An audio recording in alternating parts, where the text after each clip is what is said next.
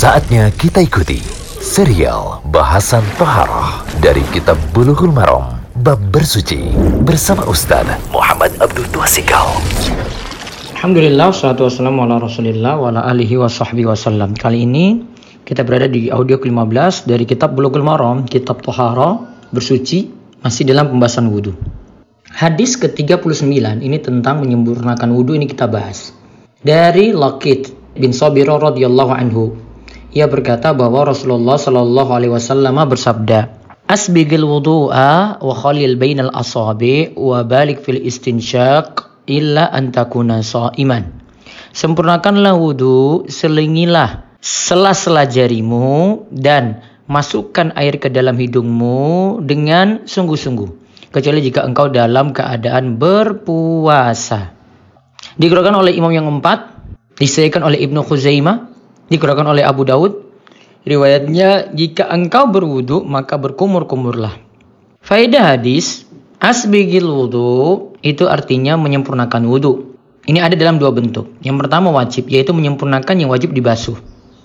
Jadi misalnya muka, telapak tangan sampai siku, kepala diusap, kemudian kaki sampai mata kaki, dia sempurnakan itu namanya isbagul wudhu, sempurnakan, artinya penuhi yang wajib. Ada juga makna yang kedua yaitu sunnah.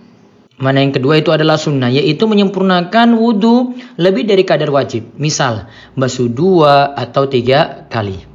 Yang kedua, diperintahkan untuk menyela-nyela jari. Ini dihukumi sunnah.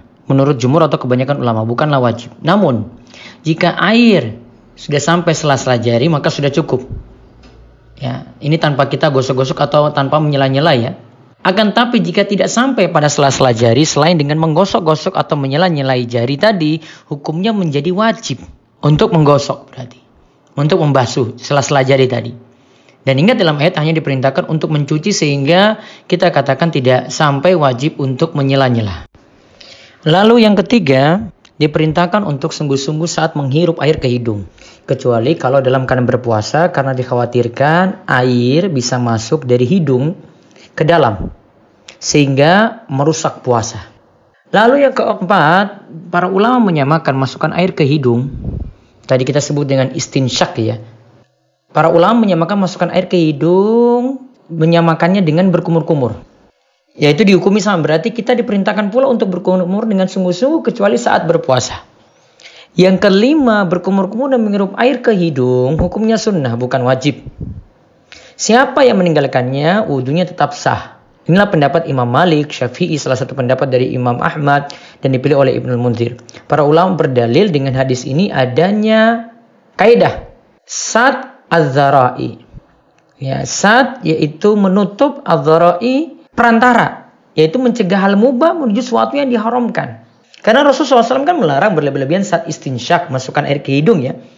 Berlebihan di sini dapat merusak puasa, maka terlarang. Terus yang ketujuh, jadi dari sini juga kita simpulkan, dari sini kita juga simpulkan kaidah darul mafasid aula min jalbil masaleh. Yaitu mencegah kerusakan lebih utama dari meraih maslahat atau manfaat berlebihan atau bersungguh-sungguh dalam istinsyak itu suatu masalah jelas.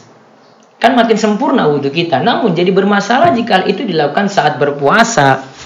Maka berlebihan ini dilarang. Masalah ini ditinggalkan namun tetap istinsyak tetapi tidak berlebihan. Tetap istinsyak saat berpuasa tetapi tidak berlebihan. Wallahu a'lam bishawab. Demikian serial bahasan toharah dari kitab Bulughul Maram Bab Bersuci bersama Ustaz Muhammad Abdul Tuasikal.